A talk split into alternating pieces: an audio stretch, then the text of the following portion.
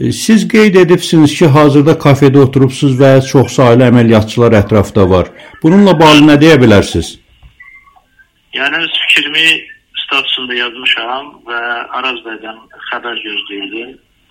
İndiyə qədər biz xəbər almamışıq və belə görünür ki, bu bizim aydın görünəlidir ki, bizim fəaliyyətimizlə bağlıdır və mən də Araz bəydən xəbər gözləyirdim. Araz bəyin xəbər çıxmır. Vəkil məsələsini həll edib mən də ə, çıxıb ə, kafeni tərk edəcəm. Çox güman ki, mən də saxlayacağam.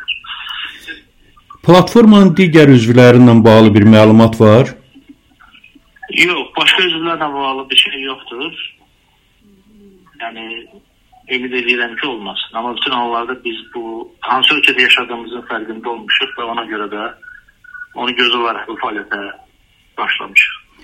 Platforma yaranandan sonra, təsis ediləndən sonra hər hansı bir təzyiqlə üzləşməyibsiniz? Yəni xüsusi təzyiq deməzdim. Bizim öyrəşdiyimiz e, hallar baş vermişdi. Yəni məlumatlar daxil oldu ki, e, bizlərlə yaxından sıx maraqlanırlar. Hətta onu eşitdirdilər ki, sizlə maraqlanır.